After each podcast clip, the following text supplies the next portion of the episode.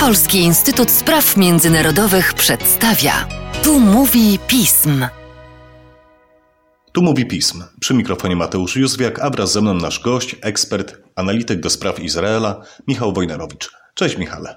Cześć Mateusz. Minął ponad rok od normalizacji izraelsko-arabskiej. Zaskakująco trwałej i stabilnej, mimo zmian wśród części jej inicjatorów. Wszak nastąpiła zmiana władzy w Stanach Zjednoczonych czy samym Izraelu. Pora na podsumowanie. Jak wygląda obecny bilans relacji i czy przebiega wśród wszystkich państw w sposób zrównoważony? Faktycznie ten proces zapoczątkowany rok temu, najpierw od tzw. Tak porozumień abrahamowych zawartych przez Zjednoczone Emiraty Arabskie, Bahrain z Izraelem, potem do tego grona dołączył Sudan, Maroko. Te wszystkie partnerstwa są no, pewnego rodzaju nową jakością tak, na tej dyplomatycznej scenie Bliskiego, Bliskiego Wschodu. Warto podkreślić, że w dużej mierze no, nie, skończyło się tylko na podpisaniu przysłowiowego świska papieru, ale to są no, aktywnie rozwijane partnerstwa. Jeśli chodzi o rozmiar, zdecydowanie najbardziej intensywna jest y, współpraca izraelsko-emiracka. Na okoliczność pierwszej rocznicy podpisania właśnie obie strony chwaliły się wykazem osiągnięć, tak, 60 różnorakich porozumień, ćwierć miliona izraelskich turystów w Dubaju, handel wynoszący już prawie pół miliarda dolarów, prognozy mówią nawet o 10 miliardach w przeciągu najbliższej dekady. Współpraca też na polu energii i technologii, no tu jakby widać, że to partnerstwo było że że były ku niemu solidne, solidne fundamenty, a dwa, że no, obie strony są sobie dość, dość potrzebne. Podobnie to wygląda z, z Bahrajnem, choć tu oczywiście jest troszeczkę mniejszy potencjał niż z, z Emiratczykami.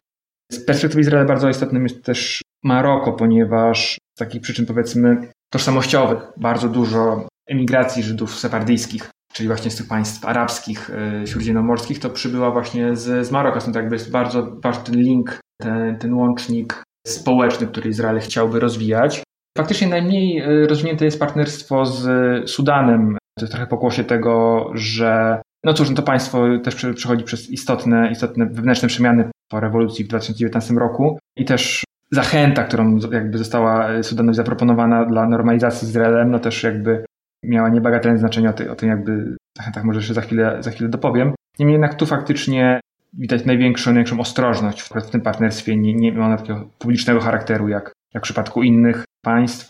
Bo też dużo chodzi o tą właśnie publiczną, tą widoczną część współpracy, tak? To było naprawdę bardzo istotne z perspektywy nowego izraelskiego rządu, którym obecnie zawiaduje duet Naftali Bennett i Yair Lapid, żeby no, jak najwięcej korzyści politycznych wyciągać z, z, tych, z tych nowych partnerstw, rozwijać je. Lapid odwiedził e, już Bahrain, Maroko, Zjednoczone Emiraty Arabskie, Państwa Zatoki działają izraelskie ambasady, państwa Zatoki otworzyły swoje placówki w, w Tel Awiwie i no widać, widać, że stronom zależy na pogłębianiu tej, tej współpracy, ale no, nie ma co też ukrywać, są, y, są też pewne hamulce dla, dla tych nowych, nowych partnerstw. O jakich hamulcach mowa?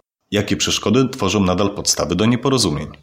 Wskazałbym tak naprawdę dwa najważniejsze.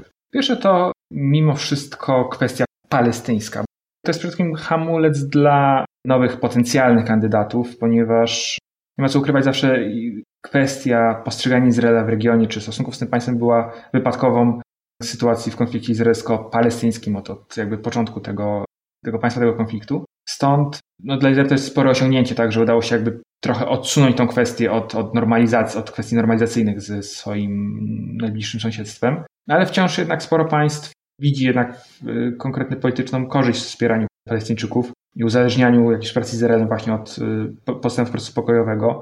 Bardzo pryncypialne stanowisko zajęła Algieria, Kuwait, również dla Arabii Saudyjskiej, która chociażby no, ma głębokie rozwinięte, niejawne relacje z, z Izraelem, to jednak ciągle przekroczenie tego takiego symbolicznego Rubikonu byłoby z uwagi na pozycję tego państwa dość, yy, dość spektakularne i, i obecnie moim zdaniem mało prawdopodobne. A to wszystko się płynnie wiąże z drugim czynnikiem, czyli postawą Stanów Zjednoczonych, bo przypomnijmy, że nie byłoby tej normalizacji, gdyby nie właśnie ten pakiet zachęt, który zaoferowała administracja Donalda Trumpa różnym państwom, tak, dla Zjednoczonych Emiratów Arabskich, rozdaniowe F-35, dla Maroka uznanie suwerenności tego państwa nad okupowaną Saharą Zachodnią, dla Sudanu wreszcie wykreślenie z listy państw sponsorujących terroryzm.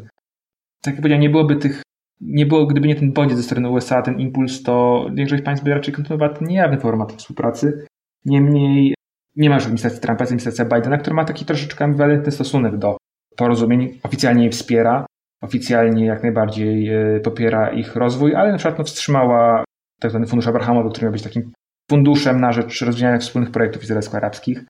Jest to jednak proces, który był sukcesem poprzedniej administracji, a chwalenie poprzedników to w obecnych czasach ciężko przechodzi przez gardło politykom i, i, i administracji. Normalizacja będzie traktowana przede wszystkim jako pewne, narzędzie w kreowaniu polityki dla regionu, tak, pewien jakby pewne wsparcie dla, y, dla nowego izraelskiego rządu, pewne wsparcie dla, dla innych sojuszników, sojuszników w regionie. I to zależy po prostu też od tego, jakie ewentualne zachęty by administracja Bidena chciała, czy, czy właśnie proponowała.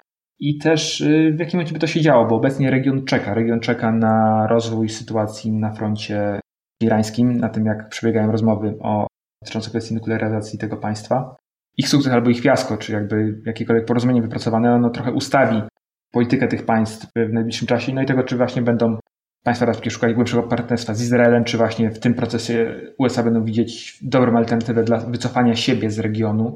Stąd tak naprawdę wydaje się, że póki co ten proces będzie troszeczkę wyhamowany.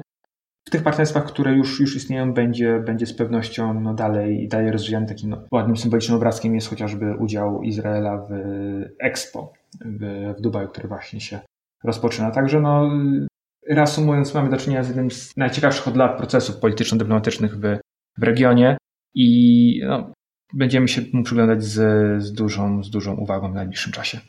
Zapewne nie jest to nasz ostatni podcast na ten temat. Tymczasem dziękuję Ci, Michale. Dziękuję. A Państwa zachęcam do śledzenia naszej strony internetowej i mediów społecznościowych, czytania najnowszych biuletynów i komentarzy, a z mojej strony pozostaje powiedzieć klasyczne, a zobowiązujące do usłyszenia.